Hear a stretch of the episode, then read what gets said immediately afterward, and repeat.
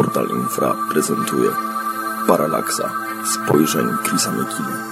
Witamy bardzo serdecznie wszystkich słuchaczy Radia Paranormalium, Radia Wolne Media, a także Radia na Fali. Po długim okresie nieobecności powraca na nasze fale audycja Paralaksa, spojrzenie Chrisa Miekiny. Troszkę z Chrisem dyskutowaliśmy na temat powrotu audycji i doszliśmy do wniosku, że zmienimy odrobinę formę. Uznaliśmy, że najlepsza będzie forma takiej rozmowy czy też dyskusji. Jeden będzie pytał, czyli tym jednym będę domyślnie ja, a odpowiadającym oczywiście będzie nasz ekspert, gospodarz audycji Chris Miekina. Witaj Chrisie. Witam wszystkich, no i już od razu dementuję, że nie jestem żadnym ekspertem, jestem poszukiwaczem jak wszyscy.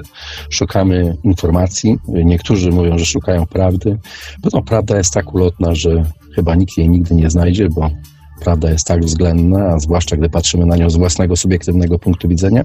Natomiast mamy świadomość tego, że często to, co obserwujemy dookoła, te sytuacje czy wydarzenia, które są, rozgrywają się dookoła nas, no, mają jakieś podwójne dno i niekoniecznie wyglądają tak, jak chcą nam przekazać mniej wolne media czy, czy inne różne środki masowego przekazu zainteresowane w przekazaniu jakiejś informacji w sposób specyficzny, określony w celu wywołania pewnej jakiejś reakcji. Dlatego kiedy popatrzymy na to wszystko, co się wokół nas dzieje, no zawsze warto spojrzeć na to troszkę bardziej krytycznie i spróbować doszukać się czegoś. Czegoś, co ktoś czy chciał ukryć, czy nie dopowiedział, czy może tak naprawdę o co w tym wszystkim chodzi. No i taka jest tutaj moja rola. Także nie jestem ekspertem, jestem poszukiwaczem i staram się odnaleźć gdzieś to drugie dno, przebić się w jakiś sposób i ewentualnie to, co odkryję, czy znajdę, czy wyczytam, po prostu skonfrontować z wami. Paralaksa miała być takim pomysłem, ale była taką audycją według mnie troszeczkę przegadaną, taką byłem gadającą głową która tak nadawała w ten pusty ekran bez żadnego odbioru i myślę, że ta nowa formuła bardziej się sprawdzi, bądź nie sprawdzi się wcale. Także nagrywamy to w tej chwili z Eweliosem. Bardzo dziękuję za pomoc i za zaproszenie mnie do Radia Paranormalium.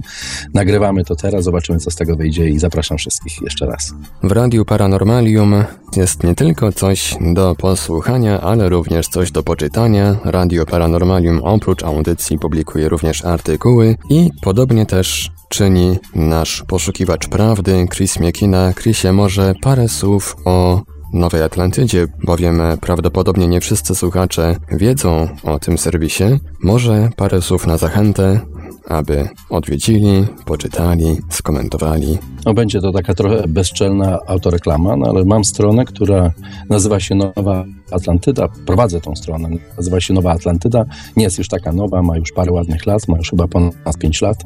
Przestałem już liczyć, ile czasu minęło od jej urodzin. I ponieważ e, moje zainteresowania są troszeczkę rozległe, więc nie jest ona skupiona na jakimś określonym, kon konkretnym temacie nie szuka teorii konspiracji, to znaczy właściwie szuka teorii konspiracji, ale jeżeli znajdzie jakąś, znajdę jakąś inną ciekawą informację, to wówczas ją także zamieszczam.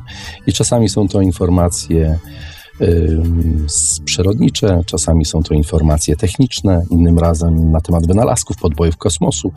Y, piszę o zaginionych cywilizacjach, czyli o wszystkich sprawach ciekawych i to, co je łączy, to jest y, ich taka wysokooktanowość. To oznacza, że ewentualnie pobudzają one do dyskusji, zdumiewają, e, każą się zastanowić, bądź sugerują pewien przebieg wypadków, który e, nie był intencją tych, którzy przekazywali taką informację. I tym się mniej więcej zajmuję, lepiej lub gorzej, na miarę własnych możliwości, oczywiście też i wolnego czasu, bo pracuję zawodowo, więc e, robię to w wolnych chwilach. Kupuję masy książek, trochę czytam, staram się być e, na bieżąco. Właśnie zdałem sobie sprawę, że kiedy robiłem taki, taką małą inwentaryzację moich książek, zdałem sobie sprawę, że jeżeli dziś przestałbym w końcu kupować te książki, wydawać na nie pieniądze, to te, co mam, nie zdążę przeczytać do końca życia. Nie znaczy to, że jestem aż taki stary, chociaż dla wielu jestem pewnie stary, ale to oznacza, że mam tych książek sporo i zgromadziłem całkiem fajną bibliotekę. Mam bardzo interesujące pozycje, niektóre bardzo unikalne i na podstawie nie tylko nowości, ale i tych y, myśli, tych y, ludzi, którzy pisali książki dawno, dawno temu, staram się znaleźć jakąś interesującą opinię bądź interesujący punkt widzenia, kąt spojrzenia na sytuację, po to, żeby móc jakoś dojść do sedna danej sprawy, odkryć właśnie o co w niej tak naprawdę chodzi i ewentualnie spróbować wyprognozować coś na przyszłość.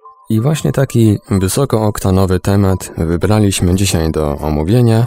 Dzisiaj będziemy dyskutować o czymś, co w publikacjach nazywana jest przepowiednią, ale jak, jakby się tak przyjrzeć, to bardziej to wygląda nie na przepowiednie, tylko na jakiś plan realizowany krok po kroku. Będziemy mianowicie dyskutować o przepowiedni Wernera von Brauna. Krysie, o co chodzi z tą przepowiednią? Jaka jest jej treść i czego ona dotyczy? No właśnie, tu już na wstępie od razu chciałbym się przyznać do czegoś. E, ja, to, to że nazwa, jest to nazwane przepowiednia von Brauna, jest to absolutnie mój wymysł że i to ja użyłem słowa przepowiednia, użyłem go świadomie, bo w jakiś sposób dotyczy to przyszłości. Trudno jest, e, było von Braunowi znaleźć na to dowody, więc każde takie twierdzenie o tym, jak ma wyglądać przyszłość, można nazwać przepowiednią. Natomiast von Braun, jako naukowiec, na dodatek Niemiec, człowiek bardzo konkretny, z pewnością by takiego słowa nie użył. To, co się wydarzyło, to pod koniec jego życia dowiedział się o czymś, co go bardzo, bardzo zbulwersowało.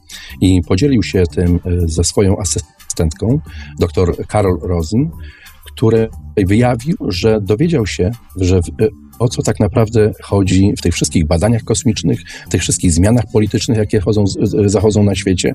I w całym układzie sił, e, w całej tej geopolityce, jaka dotyczy całego naszego globu, znalazł wreszcie ten punkt, który to wszystko łączy. I określił to w punktach jako pewien plan, który miał w swojej konsekwencji doprowadzić do stworzenia nowego światowego porządku, czyli do tego, czego, czego wszyscy się tak naprawdę boimy. I ten plan miał swoje określone punkty. I według von Brauna pierwszym punktem czy etapem tego planu y, miało być, miała być zimna wojna. Zimna wojna z komunistami, stworzenie y, nuklearnego zagrożenia, które spowodowałoby, wzbudziłoby w ludziach strach. Okazało się nagle, że Ludzie mogą zostać zbombardowani czy przez jedną, czy przez drugą stronę, mogą stracić nagle życie, więc po to, żeby ta maszyna, gigantyczna maszyna wojskowa mogła ruszyć, brać pełnymi garściami pieniądze z budżetu, a jednocześnie w jakiś sposób naginać prawo czy odbierać swobody obywatelskie, no właśnie taka zimna wojna temu fantastycznie sprzyjała i jak wiemy to z historii, która już się wydarzyła, y, do tego rzeczywiście doszło. W wyniku zimnej wojny można, nie, niektórzy uważają, że wygrali ją Amerykanie, a tak naprawdę, jeśli się temu przyjrzeć, to oba kraje praktycznie stanęły na granicy bankructwa. Związek Radziecki zbankrutował, dziś jest to Rosja, Y, musiał zmniejszyć się terytorialnie i ograniczyć swoją ekspansję na każdym praktycznie polu. Natomiast Stany Zjednoczone ledwo się przez tą zimną wojnę przecisnęły z y, kompletnie zniszczoną gospodarką, która została podporządkowana właśnie temu wyścigowi zbrojeń. I tutaj dochodzimy do drugiego punktu. Drugim punktem y, tej tak zwanej przepowiedni mm, von Brauna miał być światowy terroryzm, czyli zagrożenie wcale nie ustępowało po zakończeniu zimnej wojny. To odprężenie i to, to odetchnięcie z ulgą okazało się, że trwało bardzo krótko, no bo mamy tutaj następny fakt praktycznie historyczny do rozważenia, że po zakończeniu tej wojny nagle terroryzm, światowy terroryzm stał się czymś praktycznie codziennym. Zaczęto masowo porywać samoloty, statki, pociągi, porywać ludzi, instalować bomby atakować różne obiekty o szczególnym znaczeniu gospodarczym. W tym wszystkich te, tego typu akcjach przede wszystkim ginęła ludność cywilna i ten strach w jakiś sposób y, bezpośrednio przekładał się na, na, na nastrój ludzi na świecie, którzy no, nieustannie żyli w strachu. Po zimnej wojnie wcale nie odpoczęli i znowu musieli się bać terrorystów. Mamy wiele spektakularnych historii związanych z, z terroryzmem. Czerwone brygady y, we Włoszech, y, Czarny Wrzesień, który zaatakował olimpiadę na oczach wszystkich, na oczach kamer. Ludzie oglądali, jak giną inni. I wreszcie zakończyło się to wielkim fajerwerkiem, którym były wydarzenia z 11 września w Nowym Jorku kiedy zostały zniszczone dwie wieże World Trade Center i rozpoczęła się praktycznie od tego czasu nowa era.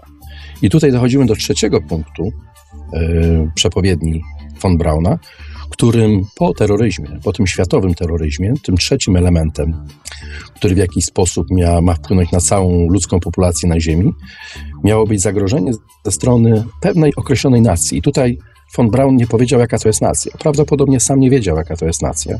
Sam być może nie znał szczegółowo tego planu, tylko powiedział, że to będzie określona nacja. I ja zastanawiałem się troszeczkę nad tym problemem, jaka nacja może być takim zagrożeniem dla całej reszty świata. Y, kto to będzie, kto może wpływać na losy tego świata i, i w jaki sposób doprowadzać do wzbudzania tej, do powiększania tej spirali strachu.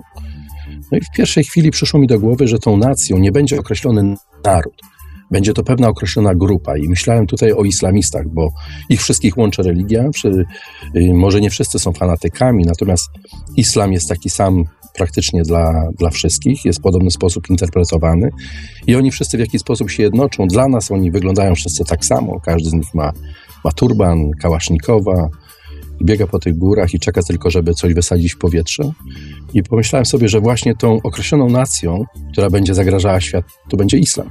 Ale jakiś czas później doszedłem do zupełnie innego wniosku na podstawie obserwacji tego, co dzieje się na świecie. I że tą nacją wcale nie jest islam. Tą nacją jesteśmy my, członkowie cywilizacji zachodniej, czyli starej cywilizacji łacińskiej Czyli mówiąc troszeczkę brutalniej wprost, po prostu biali ludzie.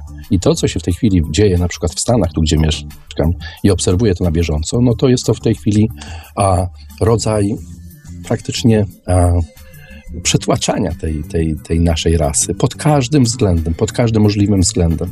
Do tego stopnia, że rasistą może być tylko biały człowiek, że tylko biały człowiek ma złe skłonności, że biały człowiek to jest człowiek, który szuka wojny, że biały człowiek rodzi się z jakimiś przywilejami nieokreślonymi. I także to biali ludzie są tym, tym e, siedliskiem zła, skupiskiem zła i oni w tej chwili najbardziej tracą. I być może to właśnie oni, my, jesteśmy tym właśnie tą określoną nacją, która, która przez to, że jest w stanie dość łatwo i szybko się zorganizować, ma pewną siłę ekonomiczną, y, reprezentuje sobą dość y, starą i powiedziałbym bardzo bogatą kulturę. Ta nacja stanowi właśnie dla tego światowego porządku, dla powstania tego światowego porządku bardzo poważne zagrożenie. Z tego powodu, że ciągle jest nas y, wiele milionów, i ciągle wszyscy jesteśmy w stanie powstrzymać powstanie takiego, takiego y, tworu, jakim jest y, globalny, globalne państwo, globalny świat. I to jest ten następny punkt y, y, von Brauna. I tu dochodzimy do kolejnego. I tym kolejnym zagrożeniem, które wyliczył na swojej liście, było zagrożenie uderzeniem asteroidy. I właściwie teraz, w tej chwili, w tej sytuacji również to obserwujemy, bo coraz więcej się mówi o asteroidach. Wcześniej mówiono mniej, prawdopodobnie z tego powodu, że nie, nie było technologicznej możliwości powstrzymania takiej asteroidy. Być może w tej chwili również nie ma skutecznej możliwości, natomiast są pewne pomysły i są pewne technologie, które można zastosować. No i nagle ta pojawiła się, pojawiły się te asteroidy, które są w stanie zakończyć życie ziemskie. I teraz e, widzieliśmy sytuację, która miała miejsce w Czelabińsku, o co jakiś czas informuje nas się, że jakiś kosmiczny kamyk przeleciał bardzo blisko Ziemi. Na szczęście do nas nie trafił. Y, co chwila również przypomina nam się, że, y, któregoś, że kilka, było kilka momentów w historii y, naszej planety, że spadający asteroid, meteoryt, po prostu kończył życie na Ziemi, takie jakie funkcjonowało wcześniej przez miliony lat. I wydarzyło się tak w przypadku na przykład dinozaurów. Wyliczę, uważa się, że było pięć takich, takich sytuacji, kiedy to życie w gwałtowny sposób się kończyło. Ostatnim punktem na liście von Brauna było zagrożenie ze strony ET. Teraz, o ile w tej chwili wciąż nie czujemy tego zagrożenia i wydaje nam się ono dość abstrakcyjne, no to mamy już pewne jego zwiastuny, pewne jaskółki. Widzimy, że coraz więcej się o tym mówi, że jesteśmy o krok od tak zwanego ujawnienia, że lada chwila życie pozaziemskie może zostanie w końcu ogłoszone, a jeżeli będzie ogłos zostanie ogłoszone, że na Marsie żyje jakaś bakteria, to kto wie, może później okaże się, że na innych planetach żyją kosmici, którzy wcale nie mają y, wobec nas jakichś e, e, pozytywnych myśli czy doznań i po prostu są dla nas zagrożeni. Dlatego rząd światowy być może wówczas w tej sytuacji, na swoim ostatnim etapie przed y, kompletnym opanowaniem całej naszej planety, po prostu y, stworzy sytuację, gdy my sami, jako ziemscy obywatele, będziemy błagać, żeby zrobiono coś, y, żeby uratować nas przed takim atakiem ze strony pozaziemskich i zgodzimy się na wszystko. I wówczas po tym ostatnim etapie nastąpi kompletne stworzenie globalnego światowego porządku. Problem, reakcja, rozwiązanie. W tym kontekście ten przekaz od von Brauna bardziej niż na przepowiednie wygląda na taki ściśle ustalony plan, realizowany punkt po punkcie. Jak myślisz, kto może być autorem tego planu?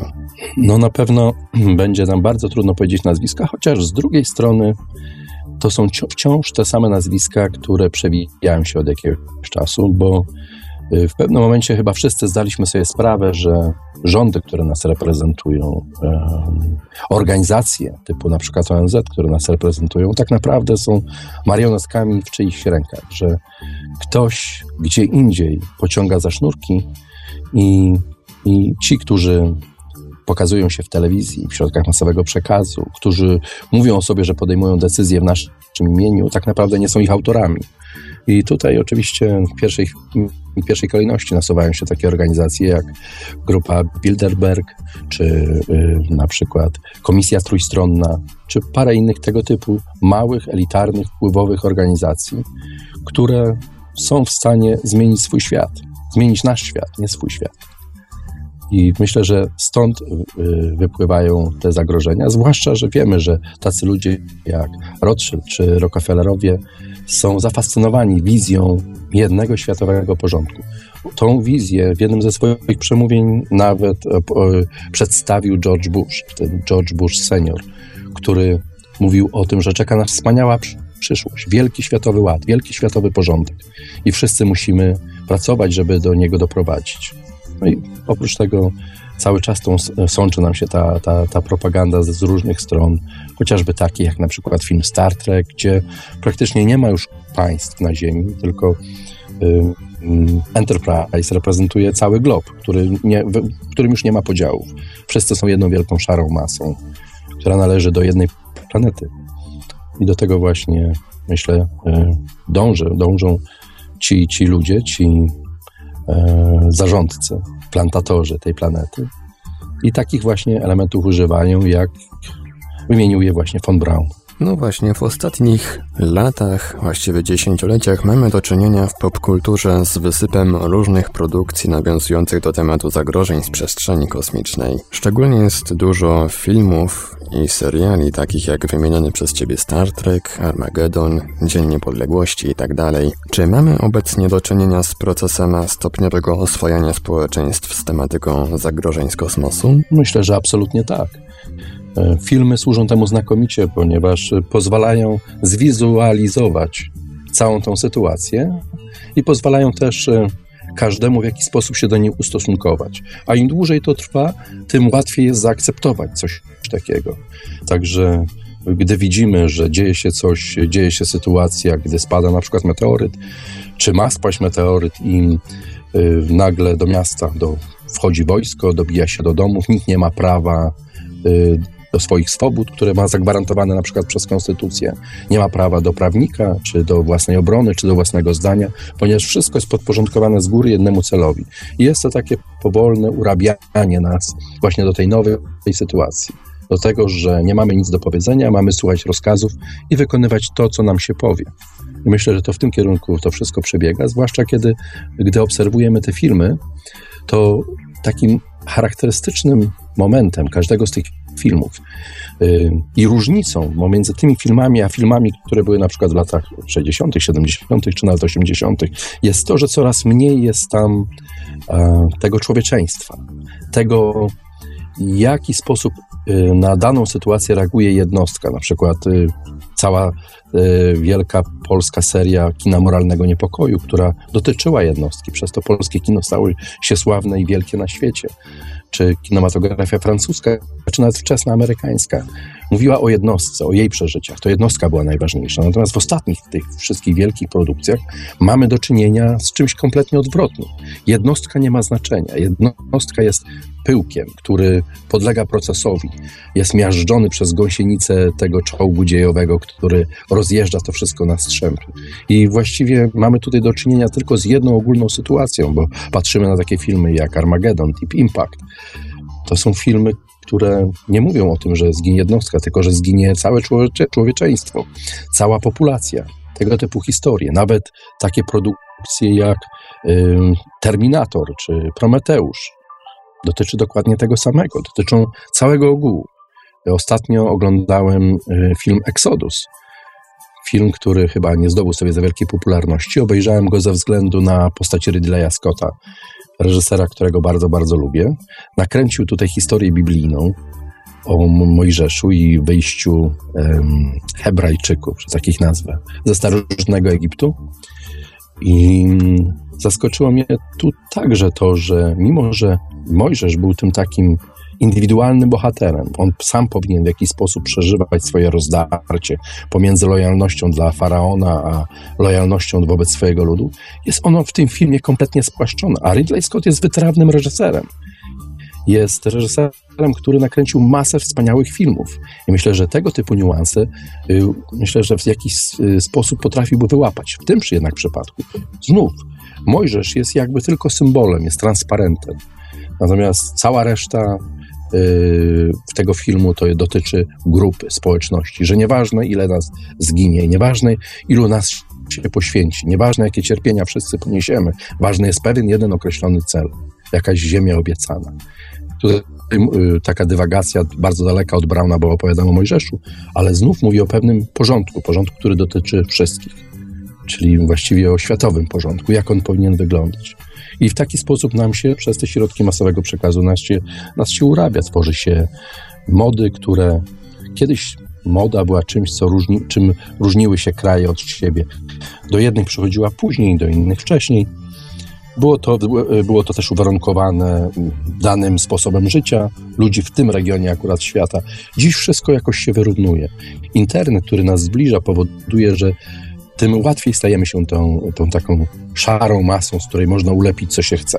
I tym łatwiej ulegamy wpływom i dajemy się sterować.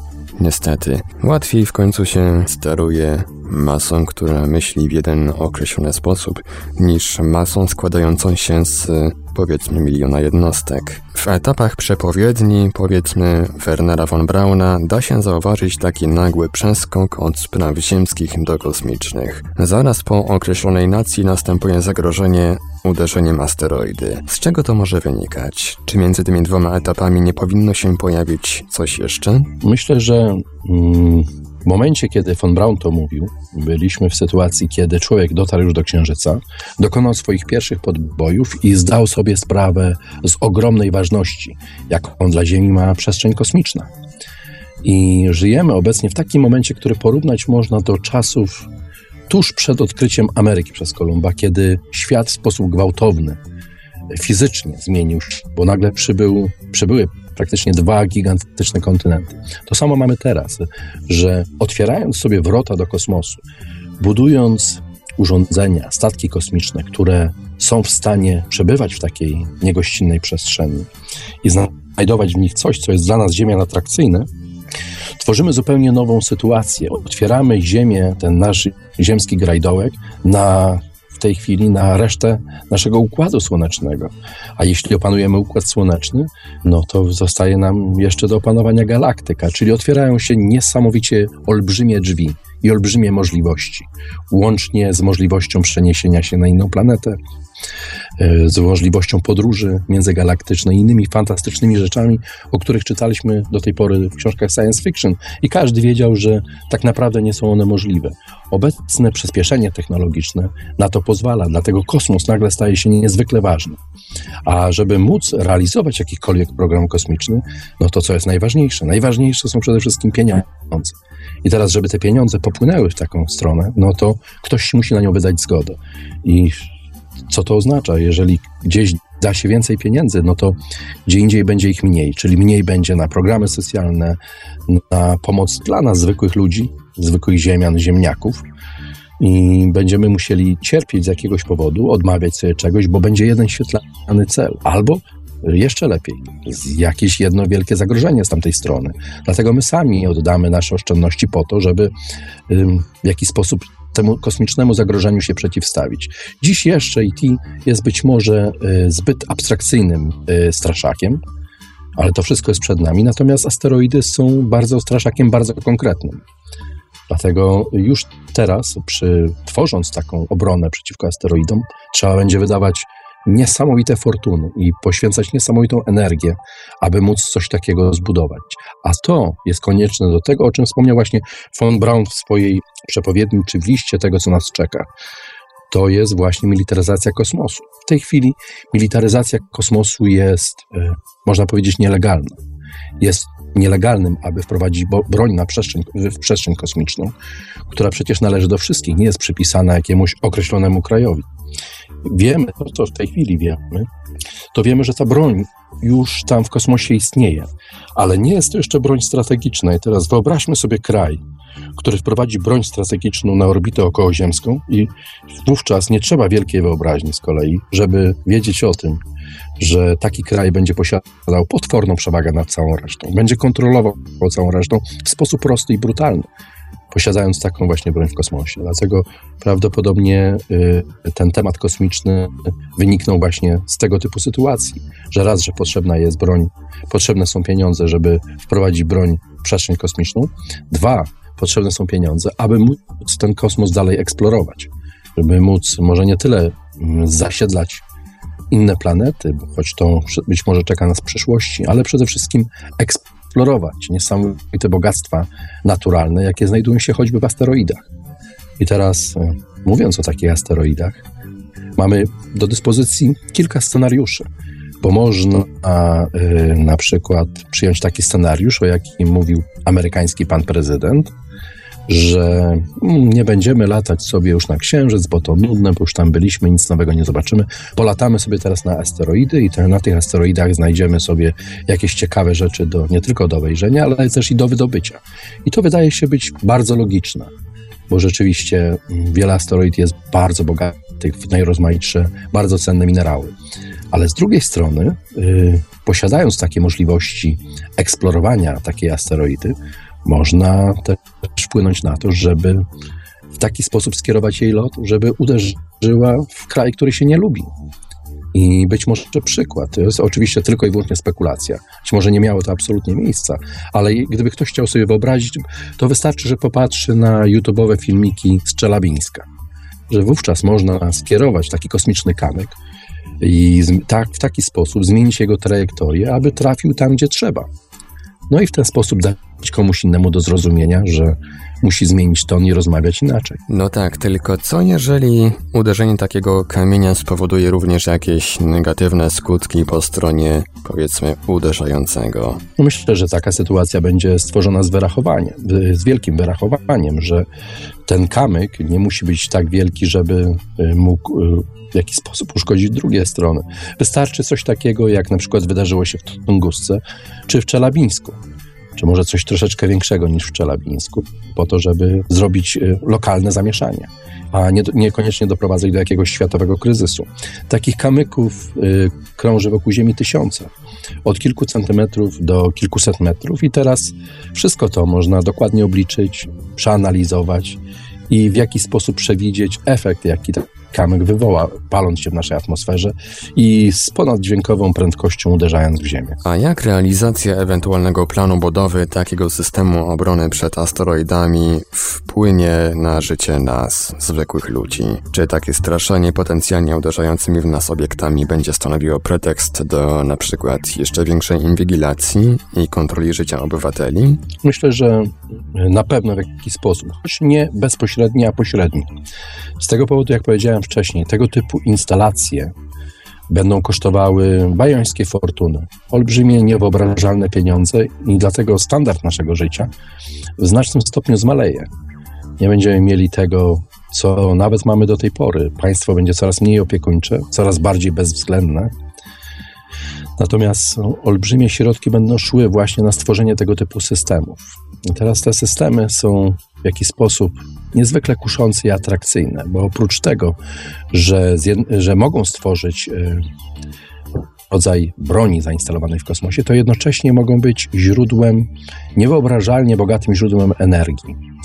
I właściwie o to w tej chwili chodzi w tym, co się, co się rozgrywa w, w przestrzeni kosmicznej wokół nas.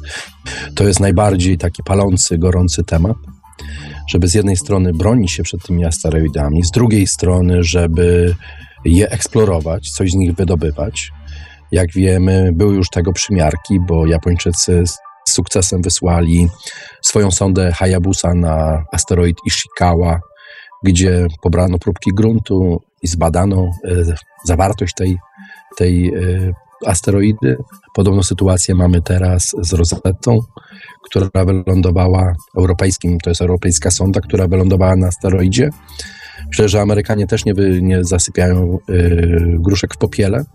Także dużo się w tym temacie dzieje. Z jednej strony właśnie mówimy o obronie, z drugiej strony to, co mówiłem wcześniej, że zainstalowanie systemu, który by bronił przed asteroidami, można odwrócić i wykorzystać do ataku przeciwko jakiemuś innemu krajowi. No i mamy jeszcze trzeci punkt, bo nie trzecią stronę medalu, czyli możemy mieć doskonałe źródło energii. I o tym pisałem ostatnio właśnie na mojej stronce. Myślę, że to jest dość interesujący temat, bo Japończycy wpadli na parę bardzo interesujących pomysłów. W jaki sposób można dać energię słoneczną, po to, żeby mieć olbrzymią ilość tej czystej energii, nie musieć użerać się z takimi Fukushimami, nie musieć spalać paliw kopalnych i tworzyć y, dwutlenku węgla i przy nim przy okazji powiększać tego tak zwanego globalnego ocieplenia, w które ja osobiście nie wierzę. To znaczy nie wierzę, że globalne ocieplenie jest wywołane działalnością człowieka. Uważam, że jest to proces, który rozgrywa się w całym naszym układzie słonecznym, bo wszystkie planety naszego układu się ogrzewają, a tam przecież nie ma ludzi, nie ma elektrowni, wyziewów spalin z samochodów.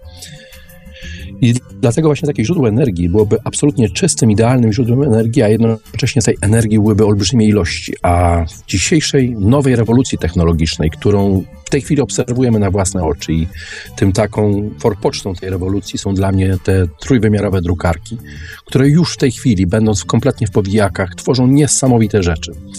Pisałem tak na chwileczkę, to będzie taka mała dygresja, bo pisałem o tym, że takie drukarki y, potrafią drukować nie tylko na przykład kości, które można które noszą w sobie w tej chwili y, już chorzy, pacjenci, którzy potrzebują takich kości, żeby naprawić ich ubytków. Dentyści drukują zęby na drukarkach trój, trójwymiarowych. Można wydrukować sobie tchawice.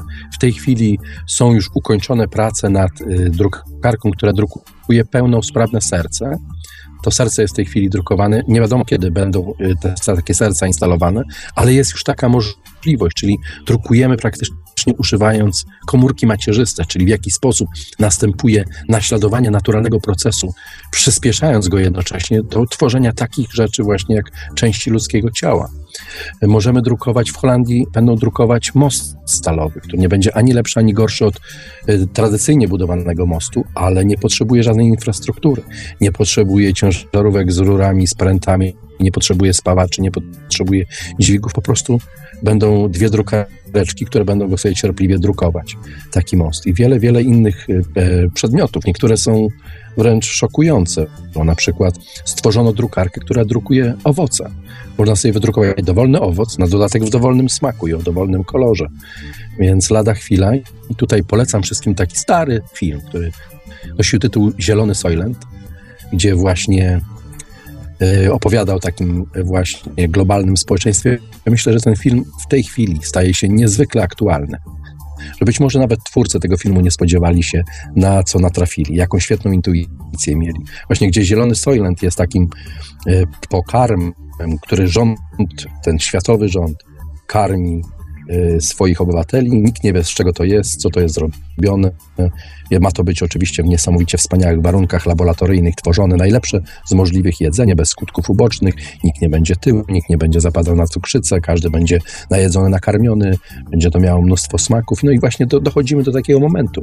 Dzisiaj także mamy tą rewolucję technologiczną i żeby tego typu drukarki mogły działać i funkcjonować, potrzebują olbrzymiej, ale to olbrzymiej ilości energii. I dlatego taka energia pobierana z kosmosu jest potrzebna. Raz Japończycy wpadli na znakomity pomysł. Jeden z ich pomysłów był taki, że chcą zbudować na równiku Księżyca szereg y, kolektorów słonecznych, a drugi o troszeczkę mniejszej skali, y, można powiedzieć fantazji japońskich inżynierów, chociaż trudno Japończyków podejrzewać o takie poczucie humoru. To jest zainstalowanie satelit wokół Ziemi, które pobierałyby y, swoimi kolektorami właśnie spromieniowanie słoneczne, przekładałyby je na mikrofale i wysyłały te mikrofale na Ziemię. I teraz pomysł jest bardzo szczytny i bardzo szlachetny, bo w jaki sposób skończy to problemy energetyczne na Ziemi, ale z drugiej strony wyobraźmy sobie taki strumień a, mikrofalowy o potężnej mocy, który na przykład nie trafia do tego swojego miejsca, do tego kolektora, który, gdzie, gdzie energia pobierana była i przerabiana na elektryczność, tylko trafia zupełnie gdzie indziej. Albo jest specjalnie kierowany na jakieś inne miejsce na Ziemi. To po prostu takie miejsce zostanie upieczone kompletnie. Więc znowu wracamy do tego, że każdy kij ma dwa końce, że jest to broń obosieczna, że z jednej strony jest to dobrodziejstwo, z drugiej strony jest to broń. I znając naturę ludzki, ludzką od wieków, każdy wynalazek, jaki, jaki jest dziełem człowieka, za każdym razem próbuje się go najpierw wykorzystać y, do tego, żeby zabić drugiego człowieka, więc prawdopodobnie nie będzie tutaj tak samo w tym, w tym, samym, tym samym przypadku. Dlatego właśnie zbudowanie tego systemu, czy obrony przeciwko asteroidom, czy, czy budowanie elektrowni kosmicznych, będzie za każdym razem wpływało bezpośrednio na nasze życie. Z jednej strony tworzyło y, dobrodziejstwa, a z drugiej zagrożenie. I na pewno no, zmieni to nasz sposób y, poruszania się po świecie, funkcjonowania w tym świecie. I zmieni nasz przez to, że będziemy uwarunkowani czy uwikłani w, tego, w, w, w taki system po prostu nasze życie będzie, no, będzie jakiś, w jakiś sposób inne, będzie łatwiejsze do kontrolowania. Tak mówiłeś o drukowaniu narządów, przyszło mi na myśl, że fajnie by było, gdyby pewnego dnia dało się wydrukować mózg. Chętnie wydrukowałbym kilka takich mózgów i rozesłałbym wybranym kilku osobom taki prezent od Iveliosa. Ostatnim etapem przepowiedni von Brauna jest konfrontacja z obcą inteligencją. Czy rzeczywiście może do tego dojść? A jeśli tak, to kiedy? Czy widać już na horyzoncie jakieś przygotowanie do takiego starcia? No, zanim y, o tym opowiem, to może ustosunkuję się troszeczkę do tego, co powiedziałeś o tym prezencie, jakim chcesz zrobić tym nie, niektórym ludziom, którym przydałby się jakiś nowszy, lepszy mózg. Obawiam się, że to jest bardzo niebezpieczne życzenie. Zwłaszcza, że akurat trafiłeś w idealny moment, bo od paru dni pokazują we wszystkich kinach najnowszego Terminatora. A co to jest Terminator? Sztuczna inteligencja. Więc nie trzeba będzie chyba drukować mózgu, a po prostu zbudować inny mózg, lepszy mózg, sztuczny mózg. I teraz taki mózg, czyli ta sztuczna inteligencja, jest to prawdopodobnie największe dla nas wyzwanie, największe wyzwanie dla ludzkości. I myślę, że wciąż nie zdajemy sobie sprawy y, z tego, co tą naszą ludzkość może czekać. W momencie, kiedy stworzymy mózg, który jest w stanie myśleć i funkcjonować w taki sam sposób, jak na przykład nasz. Co taki mózg zrobi? Przede wszystkim wyeliminuje konkurencję, czyli nas. Zawsze będziemy myśleć wolniej niż ten, ten mózg, który się będzie nieustannie doskonalił. Dlatego jakkolwiek w tej chwili dziś bawimy się, oglądając najnowsze przygody Terminatora, hmm, tak sobie czasami myślę, że czy być może nie jest to wręcz dosłowne pokazanie tego, co nas może czekać? Ale wracam teraz do tematu. Teraz wracam do tematu tych kosmitów. Więc mamy tutaj to zagrożenie kosmiczne, które ma być tym następnym i ostatnim elementem list, z listy von Brauna. W tej chwili tego zagrożenia być może zbyt wyraźnie nie widać. Mamy oczywiście co jakiś czas pogłoski o tym, że kogoś porwano, że dokonano obdukcji, że znikają ludzie, są okaleczane zwierzęta w różnych miejscach świata, że to UFO i ci kosmici którzy na nim tym, tym, tymi statkami kosmicznymi latają, niekoniecznie muszą być przyjaźni dla nas. Zmienia się ten paradygmat postrzegania kosmity.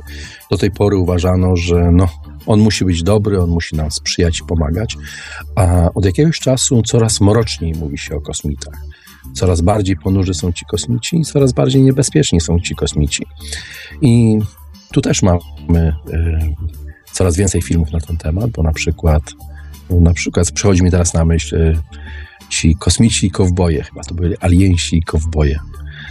Film, który pokazywał w jaki sposób okrutni, bezwzględni kosmici pozyskują jakieś, jakieś coś bardzo ważnego, y, co posiada każdy z ludzi, przerabia go na coś, że zostaje z tego człowieka kubka popiołu, a jednocześnie z ziemi pompuje olbrzymie ilości złota.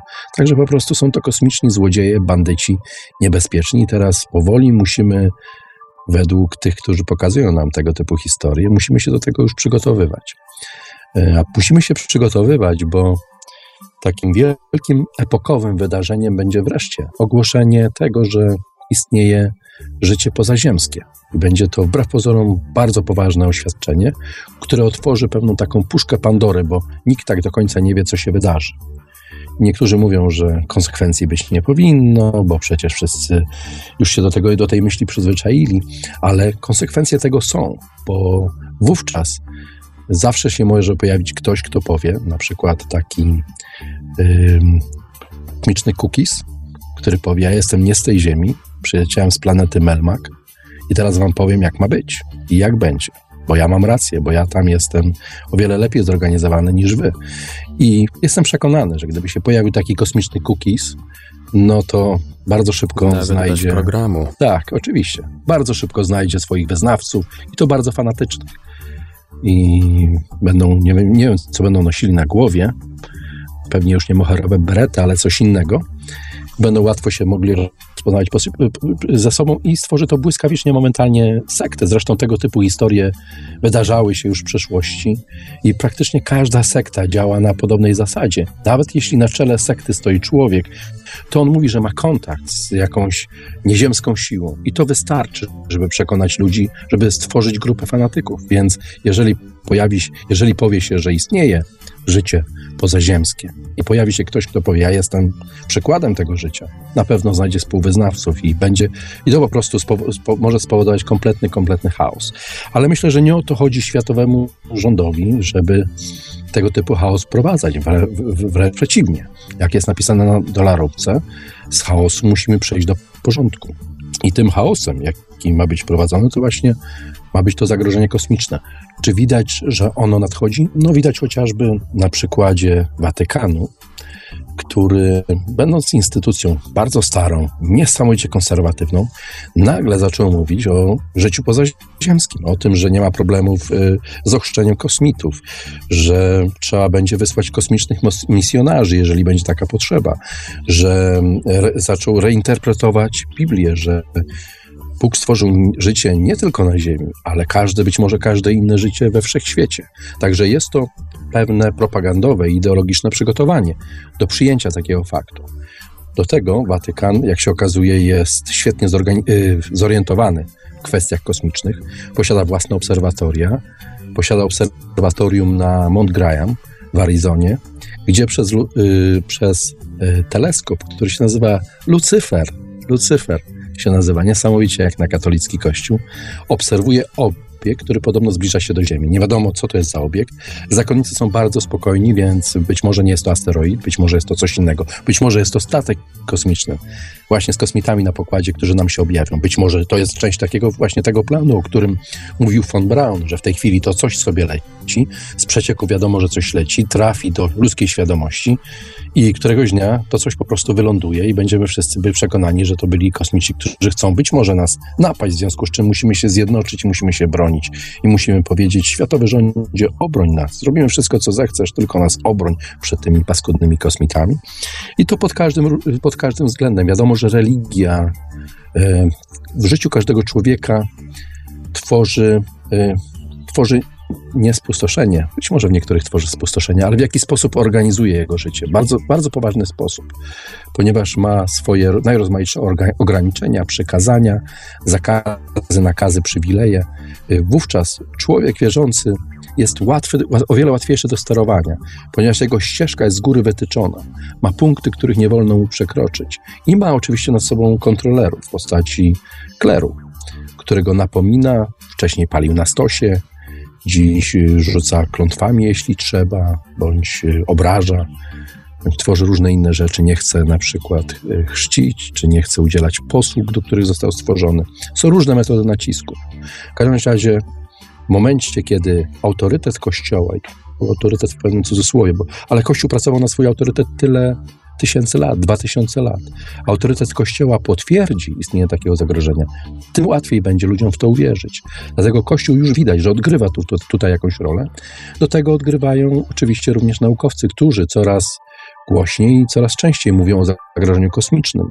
Na przykład zupełnie niedawno Hawkins, celebryta, fizyk celebryta, ten, który porozumiewa się ze światem za pomocą swojego małego palca, który interpretuje jego fale mózgowe w, poprzez komputer i wszyscy możemy poznać w jaki sposób jego zdanie pisze nawet książki w ten sposób, um, poinformował o tym, że kosmici, którzy być może gdzieś tam są we wszechświecie, niekoniecznie muszą być przyjaźni dla nas i być może przestaniemy wysyłać sygnały w kosmos, bo pokażemy im, gdzie jesteśmy i oni tu naprawdę do nas przylecą i zrobią z nami porządek.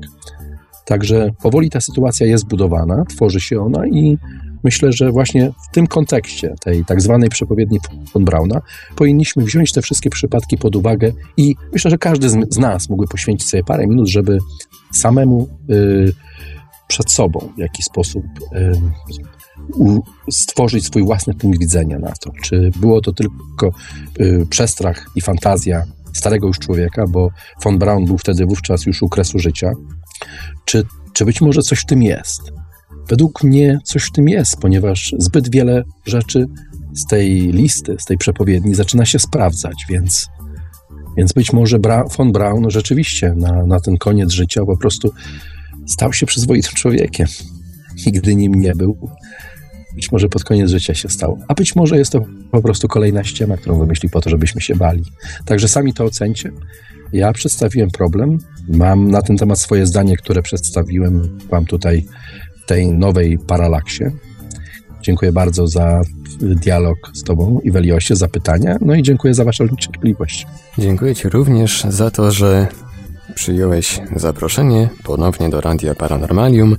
Tak, na koniec nasunęło mi się jeszcze pytanie, wątek, który pojawił się już w którejś z debat ufologicznych, ale mimo to je zadam.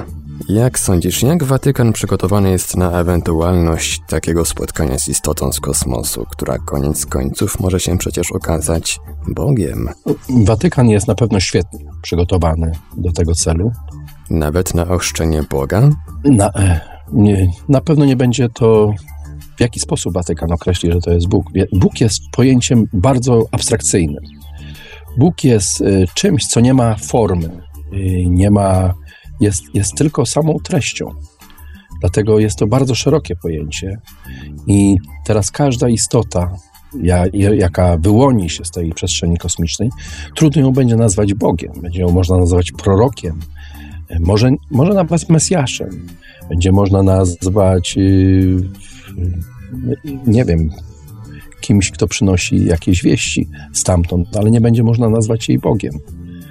Myślę, że na to Watykan jest świetnie przygotowany i myślę, że do takiego spotkania raczej, raczej nie dojdzie. Nic by na to nie wskazywało. Gdyby było inaczej, yy, myślę, że ta propaganda, jaka w tej chwili, te informacje, jakie otrzymujemy z Watykanu, byłyby, wyglądałyby trochę inaczej. Natomiast oni są yy, w jakiś sposób entuzjastyczni wobec spotkania yy, z nowym życiem pozaziemskim. Dlatego Bóg właśnie myślę, że w tym sensie jest bardzo, bardzo szerokim pojęciem i bardzo trudno go ukonkretnić w jakimś określonym ciele. Bóg z samej swojej natury nie ma ciała, nie ma formy, jest tylko słowem, jest treścią, jest przekazem, jest wszędzie, jest we wszystkim, jest w każdym elemencie. Więc bardzo trudno będzie powiedzieć, o, to, co tu do nas przyleciało, jest Bogiem. Myślę, że, że samo to zaprzecza y, pewnej definicji tego, co określamy słowem Bóg. I dlatego myślę, że właśnie Watykan jest spokojny, że na pewno tego, tego spotkania nie będzie. I będzie kontrolował całą sytuację. I myślę, że na tym możemy zakończyć dzisiejsze rozważania wokół przepowiedni czy też planu Bernarda von Brauna. To była Paralaksa. Audycja powróciła w zmienionej eksperymentalnej formie po długim okresie nieobecności. Mamy nadzieję, że ten odcinek się Państwu spodobał. Mamy już pomysły na kolejne odcinki. Krysie będzie chyba innymi o Japończykach. Być może właśnie będzie o Japończykach i myślę, że, jest, że żyjemy w bardzo ciekawych czasach i tematów jest, jest bardzo dużo. Na pewno y, chciałbym opowiedzieć czy omówić najnowszą książkę Hancocka y, Magicians of the Gods. Książka, która jest jakby kontynuacją jego pierwszej książki Fingertips of the Gods, gdzie opisuje on y, ewentualność istnienia pozaziemskiej cywilizacji. W tym drugim tomie, który właśnie się ukazał, ta cywilizacja, y, która istniała bardzo dawno, dawno temu, przed czasami historycznymi, jest dla niego czymś absolutnie bezdyskusyjnym. Z tego powodu ta książka jest niesamowicie, jest świetnie, niesamowita, jest świetnie udokumentowana i ma mnóstwo świetnych, wspaniałych pomysłów. Chciałbym o niej opowiedzieć między innymi dlatego, że malutką cząstkę tej podróży, jaką on był Hancock, ja odbyłem razem z nim, kiedy opowiadałem wam o mojej podróży do Peru i Boliwii. Wówczas byliśmy tam razem, zwiedzaliśmy różne miejsca, obserwowaliśmy różne zjawiska, także w jakiś sposób czuję się emocjonalnie związany z taką książką. Oczywiście chciałbym również e, w ewentualnie następnych audycjach troszeczkę porozmawiać o templariuszach, bo to taki temat troszeczkę może i zaśniedziały już i może już niemodny, bo mało kto się już, już się tym interesuje, ale wydaje mi się, że ma ten temat, sam ten temat ma niesamowite konsekwencje. Nie tylko związane z przeszłością, ale i z przyszłością. I z naszą teraźniejszością obecnie również. Zakon ten i cała idea miała wielki wpływ na losy świata pod różnym względem i w jaki sposób ta idea ciągle żywa i ciągle w jaki sposób funkcjonuje, o czym próbuję opowiedzieć w kolejnych odcinkach tak zwanej prawdziwej historii templariuszy na mojej stronie. Także do tego do, do poczytania również zapraszam. Oprócz tego oczywiście masa innych tematów. Praktycznie z każdej, z każdej dziedziny. Jeśli ktoś chciałby posłuchać o, o czymś specyficznym czy określonym, czy chciałby poznać moją opinię w jakiejś sprawie, jeżeli dla niego ma ona jakieś znaczenie, bardzo proszę o korespondencję, może do Radia Paranormalium i wówczas chętnie podyskutujemy, być może w szerszym gronie o tego typu, o tego typu e, wydarzeniach, historiach, tematach czy zjawiskach. Zaświtał mi teraz w głowie taki pomysł zrobienia kiedyś paralaksy z udziałem słuchaczy. Co ty na to? Jestem absolutnie otwarty. Y, spotkania, jakie mieliśmy ze słuchaczami podczas debat, dawały mi masę, masę przyjemności i satysfakcji. Świadomość tego, że słuchacze wchodzili właśnie na antenę i zadawali bezpośrednio pytania, czy prowadzili z nami dyskusję, no było czymś absolutnie fantastycznym, bo jednocześnie pokazywało, że wszystko dzieje się w czasie realnym, nie ma żadnej kontroli, nie ma żadnej cenzury. Każdy może powiedzieć to, co myśli, w jaki sposób myśli i w sytuacji dzisiaj, dzisiejszych mediów jest to coś bardzo, bardzo unikalnego i myślę, że powinniśmy w jakiś sposób to chronić. Dlatego bardzo chętnie w przyszłości jestem otwarty na takie właśnie takie sytuacje i takie propozycje i bardzo chętnie podyskutuję z każdym na każdy temat, o ile oczywiście wystarczy mi na to wiedzy. Także czekamy na pytania i komentarze od Państwa pod kontaktami Radia Paranormalium, głównie pod e-mailem radiomałpa-paranormalium.pl, bo tam zaglądamy praktycznie codziennie. Wszystkie pozostałe kontakty do naszego radia znajdziecie Państwo na naszej stronie www.paranormalium.pl. Zachęcamy do słuchania i czytania Radia Paranormalium, bo Radio Paranormalium to nie tylko radio, to również portal z dużą ilością artykułów, z forum dyskusyjnym, i tak dalej, i tak dalej. Zachęcamy także do zaglądania regularnego na Nową Atlantydę www.nowaatlantyda.com ponieważ tam jest również bardzo dużo interesujących treści, tak jak mówił Chris, z różnych dziedzin. Zachęcamy także do odwiedzania i do dyskutowania na stronie portalu infra www.infra.org.pl a na razie mówimy wszystkim słuchaczom dobranoc, życzymy wszystkim spokojnego wieczoru bądź miłego dnia. Nie wiemy, kiedy tej audycji słuchacie. Mówili do Państwa Marek Sęk-Iwelios oraz nasz poszukiwacz prawdy Chris Miekina. Stał się poszukiwaczem prawdy. Niesamowite. Dziękuję bardzo wszystkim za cierpliwość, za uwagę i za ten wspólny czas, jaki poświęciliście wysłuchaniu tej audycji. Zapraszam na następne, jeśli rzeczywiście będzie taka potrzeba, chęć i konieczność. Dobranoc. Do widzenia. Produkcja i realizacja Portal Infra www.infra.org.pl